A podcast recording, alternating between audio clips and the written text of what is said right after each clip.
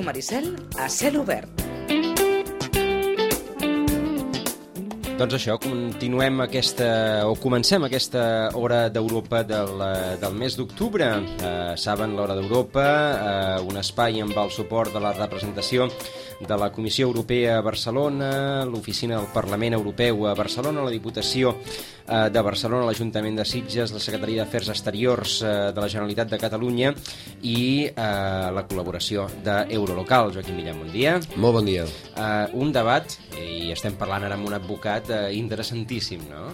Sí, de fet, en aquell moment que ara estava recordant el darrer programa que vam fer, que justament era el dia següent eh, de, la, de la Diada, crec recordar, eh, eh, clar, ja es va suscitar tot un, tot un debat que en aquell moment doncs, també eh, era molt tendre perquè, clar, diguem-ne que l'explosió de l'11 de setembre també ens va sorprendre a tots, no? I per tant, a partir d'allà, eh, aquest debat s'ha anat accelerant i per tant ja durant un mes ja han passat moltes coses. Entre altres, per exemple, ha passat que hi ha hagut diverses interpretacions, inclús eh, de la pròpia Comissió Europea, en tant en quant hi ha hagut comissaris que han dit una cosa i la comissària Vivian Redding, per exemple, ha dit una altra, no? Uh -huh. Això ha provocat que inclús el govern espanyol ha enviat una carta oficial per part del el president del govern, el president de la Comissió Europea, el senyor Barroso, perquè eh, la Comissió Europea es defineixi amb aquest tema concretament institucionalment, tenint en compte el que en aquests moments diuen els tractats internacionals i el ministre d'Afers Exteriors ho ha fet amb la senyora Vivian Redding perquè es retracti, en tot cas, de donar opinions personals i les dongui de, en, en, en base a l'actual eh, legislació i tractats que en aquests moments engloba a eh, la Comissió Europea i tractats internacionals amb aquesta qüestió. Però és, sí que és cert... És diplomàticament pertinent aquestes eh, jo, diguem, jo trobo, peticions del govern espanyol? Jo trobo una exageració, sincerament. A nivell personal ho trobo una exageració, inclús diria més eh, una mica aquesta manca de cintura que el govern espanyol amb aquestes qüestions eh, ens té acostumats, no? personalment, és una qüestió personal. Eh, penso jo, eh? perquè evidentment és eh, donar-li eh, no, no més importància que la que té, que en té, sinó que realment eh, jo penso que hi ha un, dos qüestions prèvies. La primera és que en cap, en cap moment la Comissió Europea eh, del, del que està escrit hm, eh, parla ni a favor ni en contra d'aquesta situació perquè és la primera vegada que una situació d'aquestes característiques eh, es proposa o, o sembla ser que pot tindre una possibilitat de que sigui una realitat i per tant tindrem eh, un, un problema que sempre la Comissió Europea, quan hi ha hagut problemes d'aquestes característiques, ha intentat resoldre eh, amb el temps que toqui, mm, consensuant, parlant, etc. Per tant, jo penso de que de que aquesta és la primera premissa. No hi ha cap moment que el tractat digui una cosa ni l'altra. Poden haver interpretacions, i per tant aquí tenim el debat jurista de gent que interpreta que no, gent que interpreta que sí, gent que interpreta que si un dia som independents, el dia següent ja no serem ciutadans de la Unió Europea, uns altres diuen, però si ho som, quin sentit que el dia següent no ho serem, etc. Per tant, jo crec que hi ha un debat servit i aquest és una mica el que amb aquestes cartes el govern volia eh, concretar justament amb, amb una postura molt concreta que és la que pensa el govern govern espanyol. Però clar, clar crida, crida molt l'atenció que el govern espanyol eh, plantegi una hipòtesi que jurídicament el mateix estat espanyol no permet. Correcte, correcte. Per això que són, són aquests contrasentits que a vegades eh, ens trobem en una situació com, la, com aquesta, que, que és una situació que no estava prevista i si ara féssim una enquesta i la gent contestés sincerament eh, vostè creu que estaríem parlant d'això cada dia tres mesos abans, el mes de juliol, dirien no, ara ens trobem en una situació que s'està accelerant per moments. Uh. -huh. Veiem avui els diaris a moment donat com semblava que la cosa estava a moment donat mm, aturada, però hem vist ja que el govern eh, eh, anglès eh, i, el, i, i, bueno, i Escòcia i el govern d'Edimburg doncs, eh, ja han tancat un acord sobre un referèndum, per tant veiem com situacions semblants no són exactes, però semblants a territori de la Unió Europea doncs estan resolent des d'una altra perspectiva com és la del consens i el diàleg, que és una mica el que eh, una mica el gran eh, jo sempre dic que eh, tot aquest projecte de la Unió Europea d'aquests més de 50 anys que, que pertanyem a aquest projecte i que nosaltres en portem 20, 20, 20 anys eh, de manera activa, sempre s'ha anat resolent a Europa a base del consens i el diàleg, perquè si no... Planteja que, que els escocesos siguin o no siguin de moment Ningú, uh, ningú, uh, ningú. El, simplement s'està plantejant i, però, i de fet però la és que hasta el mateix està... govern anglès eh, mai plantejaria el cas que això, aquest referèndum fos positiu. I s'arribés a una, una independència d'Escòcia de, de, eh, mai, mai, mai el govern anglès tot el contrari, buscaria aliats. I evidentment tenint en compte les relacions culturals de llengua, econòmiques, comercials territorials que tenen, arribarien a, a acords de fet ja, ja, ja hi ha els acords perquè inclús, eh, com podeu imaginar el que Escòcia jugui amb seleccions nacionals vol dir que ja hi ha hagut uns acords previs eh, i que hi ha una situació molt diferent a la que tenim aquí. No? De fet, em feia gràcia ara llegir eh, això i, i, i passava pàgina i, i, i veia tota aquesta enrevolt que també eh, ha, ha passat eh, quan eh, hi ha hagut aquesta, mm, aquests avions que han passat eh, molt a prop de la ciutadania diverses vegades eh, eh, ahir em sembla que era eh, per tot el que és el, Sí, el Pirineu, la part del sí, Pirineu, sí. no? Eh, esclar, són dues pàgines que les veig al mateix diari a una banda i l'altra i, i, bueno, cadascú que pensi el que cregui que té a pensar, però a, a, bueno, a mi em provoca una mica de sobte, no? Eh, nosaltres perquè estem directament implicats, però Joaquim Millan entenc que, que parla amb gent de, que està a fronteres enllà. Eh, em sembla que feia la mateixa pregunta fa un mes, però clar, fa un, fa un mes gairebé la pregunta la feien calent. Ara, diguem, no, no diríem que estem en fred, però, di, però ho hem reposat tot una miqueta més. Com, com, ho estan, com estan veient des de fora, tenint en compte que si no m'equivoco, em sembla que és l'avantguàrdia, fa que gairebé cada dia una mena de resum de premsa, perquè és que cada dia eh, Sí, sí, el sí. procés català eh, està, està apareixent eh, a diversos eh, rotatius. Eh, els eh, diaris alemanys potser són els eh, menys eh, favorables a, a, una, a una separació, els diaris eh, britànics són els més comprensius en la, en la situació, però una miqueta hi ha, eh, hi ha aquesta, aquesta curiositat i fins i tot doncs, eh, televisions de, del Japó, televisions americanes... Clar, aquí, ah, mira, de fet hi ha una, pre una premissa prèvia mm, que és la següent. En la mesura de que hi ha aquest debat a la premsa estrangera que vol dir que tenen un interès als seus lectors, per tant vol dir que la ciutadania europea doncs, doncs té cert interès, no serà el seu primer tema d'interès eh, quotidià, però sí que bueno, hi ha molta gent que ha passat estius aquí, té relació amb Catalunya, amb gent d'aquí, eh, relacions comercials, etc. per tant, coneixen perfectament eh, Catalunya, coneixen perfectament la situació i, evidentment, doncs, tenen un interès en saber el que passa. No? Eh, això eh, té, és, eh, el podem confrontar amb una, amb una situació que vol dir que a un moment donat, quan l'11 de setembre va passar el que va passar als carrers de Barcelona i tots ho vam poder veure i vam llegir i interpretar el que havia passat, veiem un data tipus de premsa que deia que això no havia passat i que no assumia una realitat. Per tant, la premsa estrangera sap llegir d'una manera que al posar això en debat sap que hi ha una realitat, sap que hi ha un conflicte, sap que hi ha una situació tensa, sap que, que hi ha coses que estan canviant, e intenta llegir, e intenta interpretar cap a on això anirà, què pot passar, què deixaria de passar, les hipòtesis, eh, quin percentatge hi ha de gent que estaria a favor, en contra d'una cosa, d'una altra. Per tant, hi ha un interès perquè saben que aquesta és una situació en la qual estem vivint. De fet, com tu deies molt bé, eh, abans fora micro, mm, diu, parlarem una mica d'això perquè ah, és el tema, és el tema, és evidentment que és el tema en aquests moments i ja portem un mes parlant d'això, per tant vol dir que... I el que parlarem. Eh, bueno, però de moment portem un mes quan molta gent es pensava que això seria, eh? jo me'n recordo dia, alguns sí. titulars, és un serrampion de, de, de, de postveran, bé, post, eh, post, eh, època estival i coses d'aquest tipus. Clar, quan, quan veus que això no és així, vol dir, bueno, el que has de fer és intentar buscar eh, el sentit comú, arguments, veure per què està passant i veure quines solucions poden haver-hi.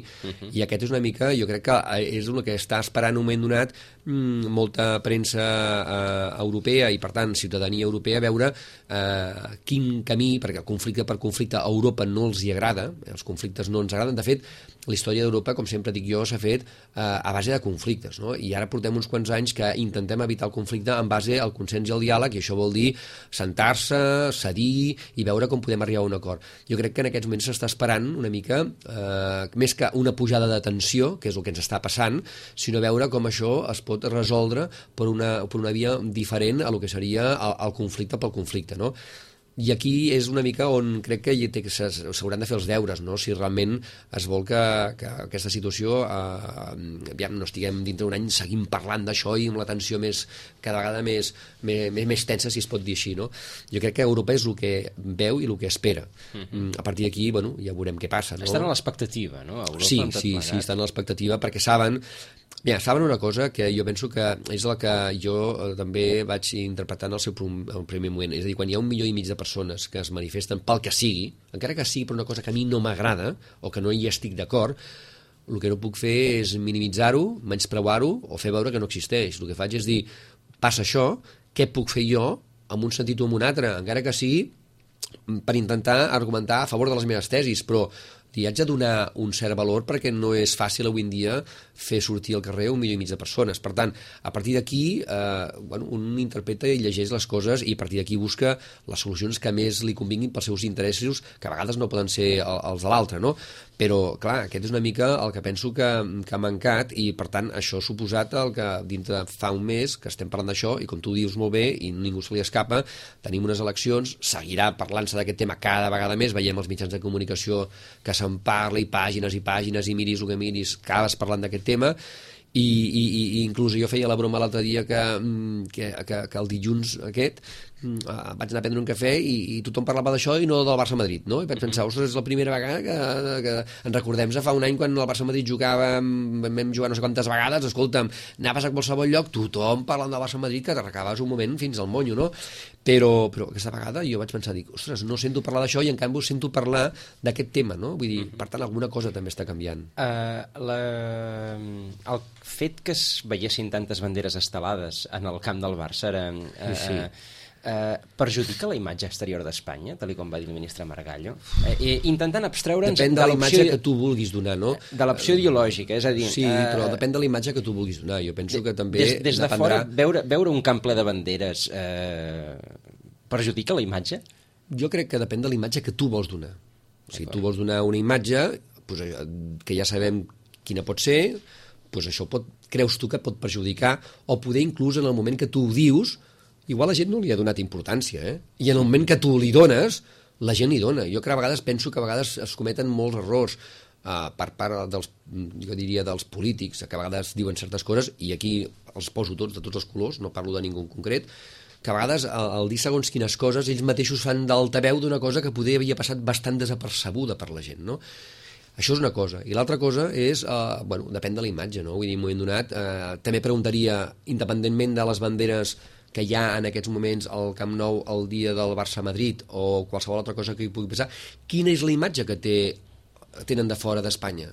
Jo crec que la imatge que tenen de fora d'Espanya no és el tema de les banderes, és que estem encara negociant un rescat, que estem negociant un rescat que ningú sap aquí mm, per què el farem servir, quines condicions hi ha, és unes coses que es fan a porta tancada, com ja ens estem acostumats els ciutadans d'aquest país, que no se'ns explica res, que es prenen decisions que ens afecten perquè al final el rescat l'haurem de pagar nosaltres amb els nostres impostos, no el pagaran segons qui, els pagarem tots nosaltres. Jo vull saber el que s'està pactant en aquests moments en el rescat i vull que hi hagi transparència quin rescat demanem, amb quines condicions, perquè em tocarà pagar a mi.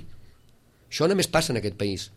I, i per tant, jo vull saber o per exemple avui si sento que eh, els xinos han d'acabar fent l'ampliació del port de Barcelona que estava eh, fa 20 anys que el tenim en els, els pressupostos no s'ha fet per què això no s'ha fet, que això és viable perquè si els xinos han invertit aquí, que jo penso que ningú pensa que són tontos, però vol dir que és viable i rentable i eh, el govern de l'Estat no ho ha fet i perquè els meus diners no han servit per això i han servit per fer un aeroport uns quants quilòmetres més a baix que ni tan sols s'ha pogut inaugurar. Qui em dona explicacions d'això?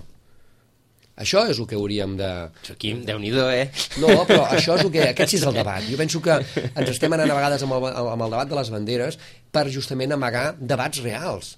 O, I quan dic d'aquest govern, dic de qualsevol govern. Vull saber exactament quina és, per exemple, la seva fórmula per sortir de la... A part de les retallades, quins són les fórmules per sortir de la crisi? Quina aposta fem? Si fem amb innovació, amb educació, amb formació, quan llegim ahir que retallen els Erasmus. Clar, això és el que jo voldria. Voldria que realment tinguéssim un debat seriós per realment, quan diuen altre, hem de sortir de la crisi, Un altre dels tots. temes que han passat oi sota, sota, sota la catifa.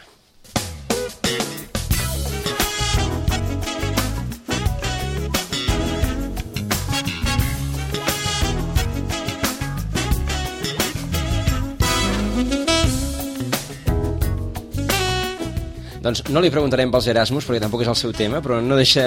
El Joaquim ens ha, ens ha tret un altre dels temes interessants, dels que s'ha parlat aquestes darreres setmanes. Ara parlarem amb el senyor Enric Vendrell Llaubach, director del programa d'Innovació i Qualitat Democràtica de la Generalitat de Catalunya. El senyor eh, Aubach ha treballat en l'àmbit de la gestió, en organismes públics com en entitats privades, estat professor de l'Escola de Relacions Laborals Blanquerna de la Universitat Ramon Llull i va ser nomenat director del programa d'Innovació i Qualitat Democràtica del Departament de Governació i Relacions Institucionals de la Generalitat el passat 7 eh, de febrer. Senyor Vendrell, bon dia. Hola, molt bon dia. Uh, a veure, la, la primera pregunta, mm, diguem que aniria relacionada amb què és exactament el programa d'innovació i qualitat democràtica. Bé, doncs, eh, per mirar de, de dir-ho senzillet i que els oients ens puguin entendre, uh -huh. eh, miro de ser molt, molt sintètic, del que es tracta eh, per mitjà d'aquest programa és de eh, fer explícit eh, eh, en, en la societat, però també de cara dintre del govern, doncs que tenim la necessitat, en aquests moments, jo m'atreveixo inclús a dir eh, més que en altres èpoques, tenim la necessitat de reforçar la eh, democràcia al nostre país, no? I, per tant, parlem de qualitat democràtica. Per què qualitat? O què vol dir qualitat? Doncs, mireu, vol dir eh, atendre i preocupar-nos de qüestions com la transparència. Necessitem cada dia més uns governs, unes administracions transparents, eh, que, que, que les seves actuacions puguin ser fàcilment eh, conegudes i reconegudes pel, pel, pels ciutadans però no n'hi ha prou amb la, amb, la, amb la transparència. Necessitem imaginar, crear, inventar nous mecanismes de participació d'aquesta ciutadania. Eh, quan es parla de la qualitat democràtica o quan diem que volem preocupar-nos de millorar la qualitat democràtica, doncs és que estem pressuposant que no n'hi ha prou amb anar a votar periòdicament quan se'ns crida a les urnes. Per tant, insisteixo, transparència, eh, participació, però encara hi podem afegir la rendició de comptes. És necessari, cada cop més, que els polítics, que les institucions, les administracions, rendeixin comptes, passin comptes amb els ciutadans, expliquin quines actuacions s'estan donant a terme, per què unes, no unes altres, etc. No? Una mica tot això, tot això sumat, eh, és eh, el que entenem per qualitat democràtica. D'acord. Eh, les enquestes eh, donen, eh, des de fa força temps, no, no només amb la crisi, sinó ja d'abans de, la, de la crisi, doncs una, una certa decepció en general de la ciutadania amb, amb el món de la política també en general. Eh, això vol dir que els ciutadans entenen que no estan doncs, eh, correctament representats o, eh, perquè la democràcia de fet seria això, seria la, la representació de eh, la intenció de la ciutadania doncs, en el govern de, les, eh, de, de, de la societat i de les persones. La gent mm, té la percepció que no està eh, correctament representada, i m'enteneu la pregunta? Sí, aviam, em, dieu si la democràcia és representació, mm, potser, potser, potser eh, els, els teòrics ens, ens corregirien, oi? perquè mm, segurament hi ha altres possibilitats de democràcia, no? o altres democràcies podrien potser ser possibles, no? Uh. -huh. eh, però, però, en definitiva, els règims, els sistemes eh, democràtics avui es caracteritzen per ser uns sistemes representatius, oi? Evidentment, si tinguéssim, doncs, eh, jo què sé, un, en, un, en un àmbit municipal amb, amb un nombre d'habitants més petit podríem parlar d'algun altre sistema, potser no, però en, el, en les societats eh, eh, actuals difícilment podem exercir aquest, eh, podem implicar-nos, podem participar en aquest, eh, aquesta política de, de, que, que ens afecta a tots plegats si no és a través d'uns representants, no? I, evidentment, teniu raó, enquesta enrere enquesta, doncs va sortint una mica eh, la preocupació de la gent per, per, per que es qüestiona fins a quin punt aquesta representació avui dona eh, suficient resposta a la voluntat de, de la gent d'implicar-se i de participar en les coses que ens afecten, no?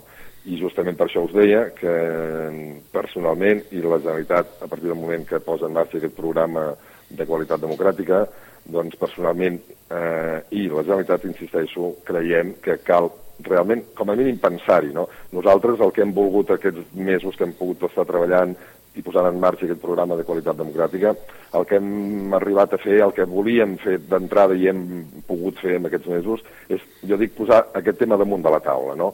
És a dir, mm, eh, el nostre país havia sigut, si em permeteu, gairebé capdavanter en moltes qüestions relacionades amb, amb això que avui coneixem com, com qualitat democràtica.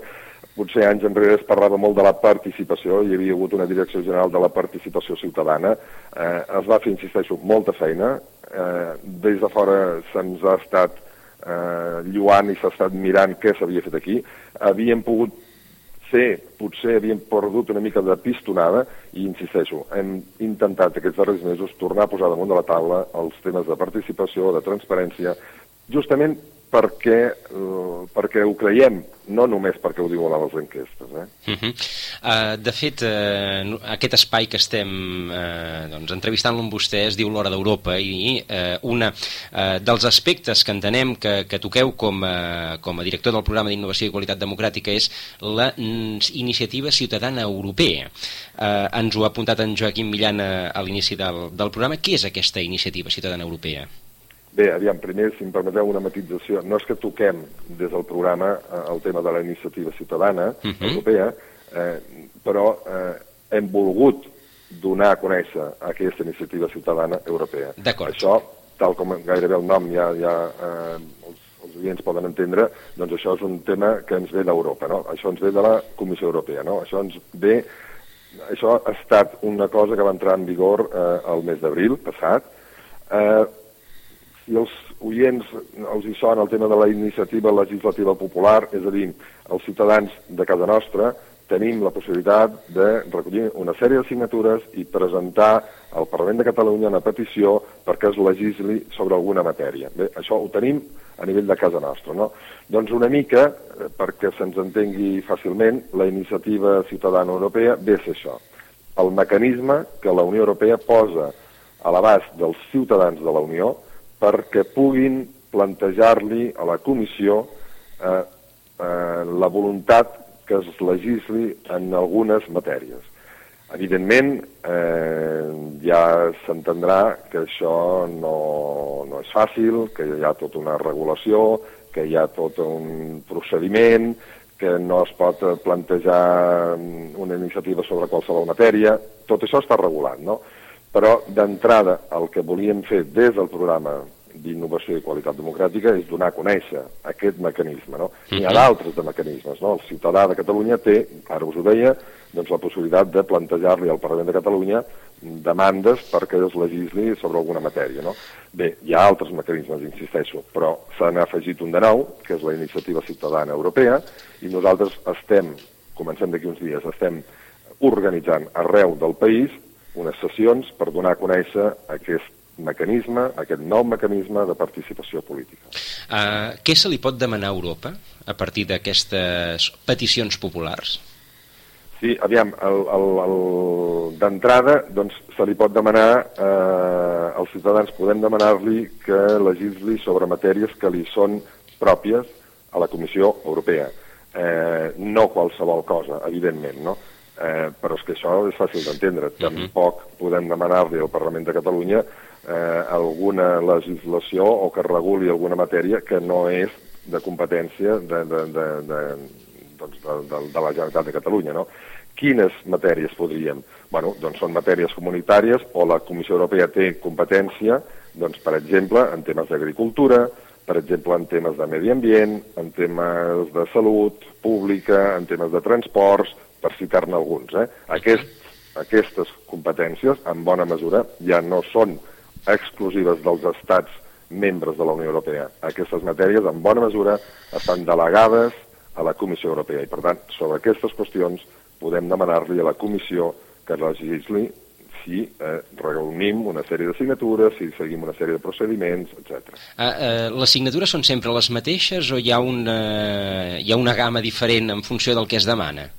No, no, no, el nombre de signatures és el mateix, com a mínim està previst que vostè hagi de recollir un milió de signatures. Un milió de signatures en qualsevol dels països de la Unió, o en tots, eh, en tots, però un milió de signatures per poder fer una petició Es perquè... necessita, es necessita, clar, tot això hi ha una mena com de lletra petita, eh? Correcte, Però uh -huh. si entrem una mica, doncs aquest milió de signatures s'han de recollir com a mínim en set eh, estats membres. Ah, d'acord. És a dir, per exemple, no, no valdria un milió de catalans signant sobre alguna cosa. No, D'acord. justament per, per, per, per fer explícit que estem parlant d'un tema de la Unió Europea Uh -huh. i suposo que per anar entre tots visibilitzant que la Unió doncs, és això, una unió de diferents eh, països o de diferents estats, necessitem complir aquest requisit. El milió de signatures, però han de venir sumats d'un mínim de set estats membres. D'acord.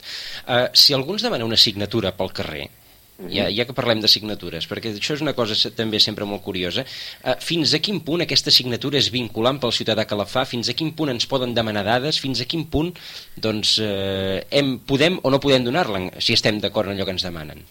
Sí, sí, sí, jo penso que hem de, hem de ser, hem de ser mm, confiats en aquest sentit, no? Mhm. eh, en, en el moment que se t'acosti doncs, o, o que et trobis una taula, una gent que està recollint doncs, signatures per una iniciativa legislativa aquí, en l'àmbit de Catalunya, Ahà. o per un projecte com aquest que estem parlant de l'àmbit europeu, doncs d'entrada eh, hem d'escoltar, hem de veure fins a quin punt la persona que ens explica doncs, ho veiem eh, que, que, que està eh, plantejant-nos una cosa que ens mereix confiança i a partir d'aquí hem de ser, insisteixo, confiats, vull dir, no, no, hem d'anar pensant que, que no ens enreda no, pel carrer Ahà. i a més a més sapigueu que després evidentment hi ha tot un procés, us ho deia, hi ha una lletra petita i evidentment la signatura que em recolliran a mi, a vostè o a qualsevol altre ciutadà pel carrer serà validada després per un organisme estatal, cada estat eh, ha anomenat un organisme que ha de validar aquestes signatures.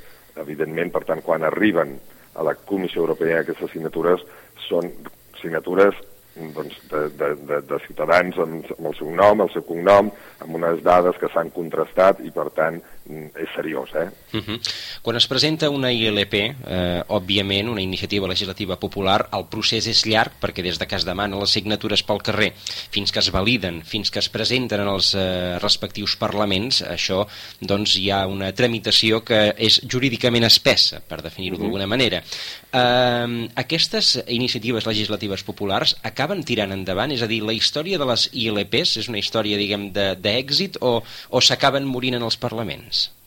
No, no, em penso, em penso eh, no és, no, no, no, em permetreu eh, que, que amb, amb sinceritat us digui que no sóc un expert Ahà. en iniciatives legislatives populars, però em penso que els ciutadans, els oients que ens escoltin, recordaran que el Parlament de Catalunya va legislar sobre les eh, curses de braus a Catalunya, A partir d'una ILP, cert? Uh -huh. Vale, doncs, doncs eh, em penso, eh, no, no sóc capaç en aquest moment de posar-vos un altre exemple. D'acord, d'acord. Però com a mínim amb un exemple sí que podem respondre a la pregunta que m'esteu fent. Mhm. És a dir, eh, això té un recorregut, això té una tramitació, em dèieu espessa, em dèieu un no sé quin altre qualificatiu, però, però les coses, les coses, eh, les coses van endavant, no? En aquest moment, per exemple, en podem parlar d'un altre, però no ha conclòs la seva tramitació.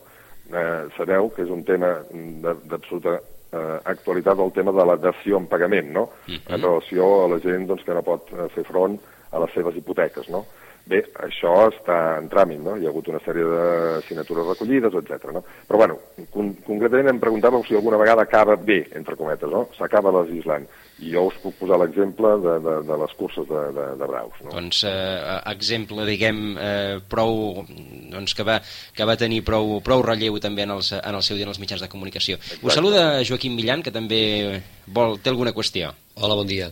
No, Bon jo, volia, dia. jo volia veure si ens podia vostè eh, donar algunes idees o fer-nos esment que si hi ha, en aquests moments ja hi han registrades algunes eh, sol·licituds d'iniciatives ciutadanes europees, eh, en quins àmbits s'han demanat, si sap vostè si s'està movent alguna cosa amb alguna petició concreta, per donar pistes de saber les primeres iniciatives ciutadanes europees que han mobilitzat a la ciutadania sobre quins temes eh, s'han demanat, no? si Sí. té coneixement d'algun moviment en aquest sentit. Sí, sí, sí. sí. Eh, mireu, jo us deia que això va entrar en vigor el passat mes d'abril i penso, penso que les autoritats comunitàries eh, deuen estar satisfetes, no? Eh, és hora per saber si, tal com em preguntava fa un moment el conductor del programa, si alguna d'aquestes acabarà concretant-se, no? Evidentment no s'han arribat a, a, a, no hem exaurit els terminis en cap de les coses que ara us comentaré, però mm, em penso que hi ha una vintena de, de sol·licituds que estan obertes. Obertes què vol dir? Obertes vol dir que hi ha inicialment una sèrie de ciutadans que presenten eh, a la comissió doncs, la, la sol·licitud per eh, tirar endavant una iniciativa eh, ciutadana europea. Aquesta primera sol·licitud és avaluada i eh, si es respon eh, favorablement, si la comissió creu que sí, que allò que anem a, a, a, aquella iniciativa sobre la que volem demanar signatures doncs entra dintre de les matèries o competències de la comissió, ens diuen que endavant, llavors tenim un any un any per recollir les signatures. Bé, doncs hi ha una sèrie d'iniciatives en aquest moment en marxa. No? Em preguntàveu de quin tipus, no? Bé, doncs, doncs eh, Déu-n'hi-do la, la, la, la, la varietat de matèries, no? Temes de medi ambient, per exemple. Doncs hi ha una per mirar de reconèixer que el, el, el dret a, a l'aigua, que, que, que els ciutadans eh, anem, obrim baixeta i raja, no? Sembla una cosa tan, tan, tan senzilla, bueno, doncs reconèixer que això és un dret humà, no? i, i per tant les conseqüències que se'n poden derivar sobre, sobre el, el, la regulació o sobre eh, el tractament que, que rep l'aigua. No? Però bueno, doncs també n'hi ha sobre ensenyament, per exemple. No? Fa un moment parlàveu, eh, he sentit, eh, sobre el tema dels Erasmus, i vostè mateix deia que, que, que han llegit, han llegit avui a la, als diaris, que el govern espanyol redueix eh, la seva aportació als Erasmus. No? Bueno, doncs hi ha una iniciativa ciutadana d'aquestes europees que vol justament potenciar eh, el, els Erasmus, no? com a eina que, que s'ha demostrat que és cohesionadora i afavoridora de, de, de la Unió. No? Altres, per exemple, doncs, bueno, més polítiques, si voleu. Hi ha una iniciativa presentada que pretén que un ciutadà comunitari que estigui desplaçat en qualsevol altre estat de la Unió, estigui residint, doncs, bueno, donar-li dret de vot, que bueno, en aquest moment no és així a, a qualsevol estat de, de, de la Unió. No? Què més? Doncs no sé, hi ha alguna altra cosa encara de medi ambient, us deia, medi ambient, aigua, doncs bueno, també temes de CO2, no? emissions de CO2 però també hi ha sobre mm, temes de mm, mitjans de comunicació, eh, ara no sé, eh, algun altre segurament m'estic... Eh, insisteixo que n'hi ha com una vintena, uh mhm. -huh. medi ambient, ensenyament, drets polítics, una mica va per aquí. Eh, llavors, eh, també perquè la gent que ens estigui escoltant eh, pugui fer un seguiment eh, acurat de, de lo que és la iniciativa ciutadana europea, de les propostes que s'estan fent, etc. Suposo que tota aquesta informació deu estar a l'abast de la ciutadania d'alguna manera, hi deu haver alguna web o alguna cosa així, mm, pregunto. Sí, sí, sí, sí, evidentment eh, hi ha una web de la pròpia Comissió Europea eh, on es pot trobar tota la informació, no només sobre el com presentar, que evidentment doncs, hi ha informació sobre com eh, funciona aquest eh, mecanisme de participació, sinó eh, això que us estava dient ara, sobre quines iniciatives estan eh, en tràmit, estan obertes, doncs també es pot trobar en aquest, en aquest web de la Comissió Europea. Uh -huh. És indubtable que en qualsevol cas eh, la, la manera de presentar aquestes eh, iniciatives ciutadana europea, que el fet que hi hagi d'haver persones implicades de set països diferents de la Unió, doncs reclama un grau important doncs, de, eh, de coordinació entre associacions de diversos països de la Unió, òbviament. Exacte, exacte, uh -huh. exactament. Eh, eh, ara toqueu un tema que per mi és molt important. És a dir, eh, us he dit fa una estona que nosaltres estem preparant unes jornades arreu del país per donar a conèixer aquest mecanisme de participació que és la iniciativa ciutadana europea, però és voluntat nostra, justament arreu eh, del país, quan fem aquestes presentacions o aquestes jornades per donar a conèixer aquest, aquesta eina, eh, és voluntat nostra complementar el que és estrictament informació sobre la iniciativa ciutadana europea, deia complementar-ho amb una reflexió a l'entorn del que m'esteu dient, justament, no? És a dir, cada cop més, i la, i la iniciativa ciutadana n'és un exemple, cada cop més és importantíssim eh, tirar endavant, o per tirar endavant eh, determinats projectes, és importantíssim tenir eh, socis o tenir amics o tenir col·laboradors en altres eh, estats, no? I el que em dèieu ara doncs, doncs, doncs, s'enmarca justament amb aquesta importància que, que, que per nosaltres té justament aquest treball, en diem, doncs, col·laboratiu, per exemple, treball en xarxa, no? És a dir, la meva associació, la que sigui, que té unes inquietuds, que té ganes de plantejar qualsevol tema, per exemple, en, en qüestions com aquesta de la ciutadania europea, però no només, eh? però qualsevol entitat que té interès, voluntat de treballar algun aspecte, cada cop més eh, s'està adonant eh, que sense referents, socis, insisteixo, amics, fora de les fronteres nostres, difícilment pot tirar endavant aquestes actuacions. No? I aquesta actuació, aquesta iniciativa ciutadana europea, justament posa de manifest això, és a dir, difícilment una entitat catalana que vulgui tirar endavant qualsevol qüestió cap a la Unió Europea podrà, si no té aquests socis, aquests col·laboradors, com a mínim en set altres, o perdó, en sis altres estats de la Unió. Uh -huh. En qualsevol cas, aquesta petició sempre és formulada a la Comissió Europea, no al Parlament, oi? Sí, sí, sí, sí. Això, és, uh -huh. això és un mecanisme que ens posa a disposició dels ciutadans la comissió. Que de fet és l'òrgan de govern de la, de la Unió. Evidentment va sortir uh -huh. d'un projecte o d'un procés o d'una iniciativa tramitada en seu parlamentària. És a dir, aquí el que hi ha és un debat que es du a terme en el Parlament Europeu, uh -huh. que acaba concretant-se i posant-se en marxa aquest abril amb això que coneixem com a iniciativa ciutadana europea. I, per tant, ara ja, un cop el Parlament ho reclama, ho empeny, ho, ho impulsa, i el govern de la Unió, la Comissió, per tant, la Comissió Europea ho posa en marxa, ara ja és davant de la Comissió a qui ens adrecem. D'acord, que és el govern europeu, per tant, ah, doncs, mateix, eh, qui remena les cireres, perquè ens entenguem. Mateix, no, i més un, un apunt eh, que no sé si ho ha dit el senyor Vendrell, però perquè la gent ho tingui clar també, aquest, aquesta iniciativa ciutadana europea va, va ser recollida pel Tractat de Lisboa, és a dir, el Tractat de Lisboa, que per tant és el marc referencial jurídicament parlant en aquests moments que tenim a la Unió Europea, eh, va recollir eh, el que seria la iniciativa ciutadana europea i a partir d'aquí és quan s'ha fet el reglament i s'ha posat en marxa, com bé deia el senyor Vendrell, eh, doncs, bueno, aquest, aquest aquest darrer abril, no? I a partir d'aquí, bueno, doncs, com el que ens explicava, déu nhi la feina que ja ha fet la societat civil eh, europea organitzada, que també ell molt bé deia que ens hem de començar a organitzar a nivell europeu, no només per això, sinó per moltes altres coses més. Jo només una pregunta, ja que ens està escoltant gent de Sitges i del Garraf, eh, sapiguer si algú d'aquí Sitges del Garraf tingués intenció d'assistir a una de les jornades que esteu fent, eh, quines serien les més, eh, més properes geogràficament per poder assistir assistir. Sí, gràcies, perquè em doneu l'oportunitat d'una mica parlar de les activitats nostres, oi? Bé, mireu, la primera jornada que fem, eh, justament la fem a les comarques, per entendre'ns, de, de Barcelona, la tenim prevista pel proper dia 18 d'octubre a les 5 de la tarda a Terrassa. Eh, després ja vindran, en una primera etapa fem quatre, eh, és a dir, una per mm, circunscripció, primer, per tant, Terrassa, mm, a final de mes el dia 30 ho fem a Tarragona, després ja saltem el 4, 5, perdó, 5 de novembre que ho farem a Girona, per acabar aquesta primera tanda amb el 4 de desembre a la ciutat de Lleida. Eh?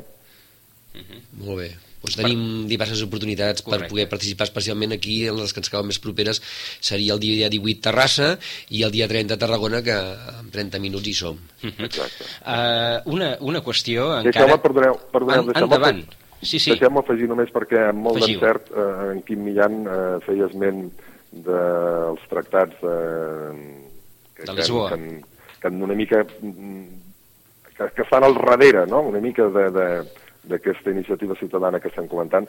Deixeu-me dir, deixeu dir que, que, i lligant una mica amb el que abans em deia el conductor del programa sobre les enquestes i, i, i la gent i, i una mica el desànim i no sé què, bueno, doncs és que és que tornem al, tornem al començament de la, de la conversa, no? Vull dir, parlàvem això, d'enquestes, de desànim, de, de gent que, que, que li sembla que les coses no acaben d'anar bé. Doncs, bueno, és una de les coses que, que, que, que se'ns ofereixen com a ciutadans justament per respondre a el que se'n pot dir el dèficit democràtic, de, en aquest cas, en aquest cas, evidentment, en aquest cas, dèficit democràtic de la Unió Europea, doncs com responem, com respon el Parlament, com respon la Comissió? Doncs posant a l'abast del ciutadà aquest mecanisme. No? Uh -huh. Aquí, aquí eh, per això dic, tornem una mica al, al, al començament de la conversa. No? És veritat que les enquestes detecten una sèrie de, de, de, de, de mancances, una sèrie de neguits per part del ciutadà, però també és veritat que s'estan fent coses, no? I per tant, també, també està bé que els mitjans de comunicació, com, com, com la ràdio amb la que tinc el gust de parlar, doncs es faci ressò de les iniciatives que, que s'estan duent a terme. Uh -huh. uh, en un minut, perquè tenim, ens queda un minut per acabar, però uh, de fet hi han de creure els ciutadans i hi han de creure els polítics. No, evidentment, evidentment, evidentment. Uh, el que passa és que junts, a mi m'agrada uh -huh. M'agrada dir que una cosa va amb l'altra, no? És a dir, els ciutadans eh, ens expressen reiteradament a nivell d'enquestes una sèrie de neguits i els eh, polítics hem d'escoltar aquests neguits, evidentment però la importància, jo no vull dir ni si és més important el ciutadà en aquesta feina o si és més important el polític, no?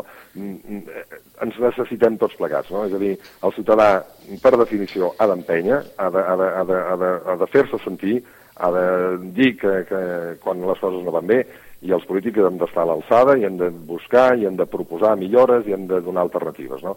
Però, de debò, uns i altres. Doncs eh, el senyor Enric Vendrell, director del programa d'Innovació i Qualitat Democràtica de la Generalitat de Catalunya, moltíssimes gràcies per haver-nos atès aquesta trucada. Gràcies i fins la propera, Enric. Doncs moltes gràcies a vosaltres, ha estat un plaer. I a tots vostès, doncs també, eh, ho deixem aquí. Joaquim Millan, moltes gràcies. A vosaltres. D'aquí un mes parlarem de més coses, ens acostaran les eleccions, per tant, continuarem tenint el tema. Segurament, segurament. doncs Vinga, com deia, bon dia. Adéu, bon dia, Joaquim, i a tots vostès també. Ara notícies amb la xarxa, 5 minuts i després més coses. Fins ara.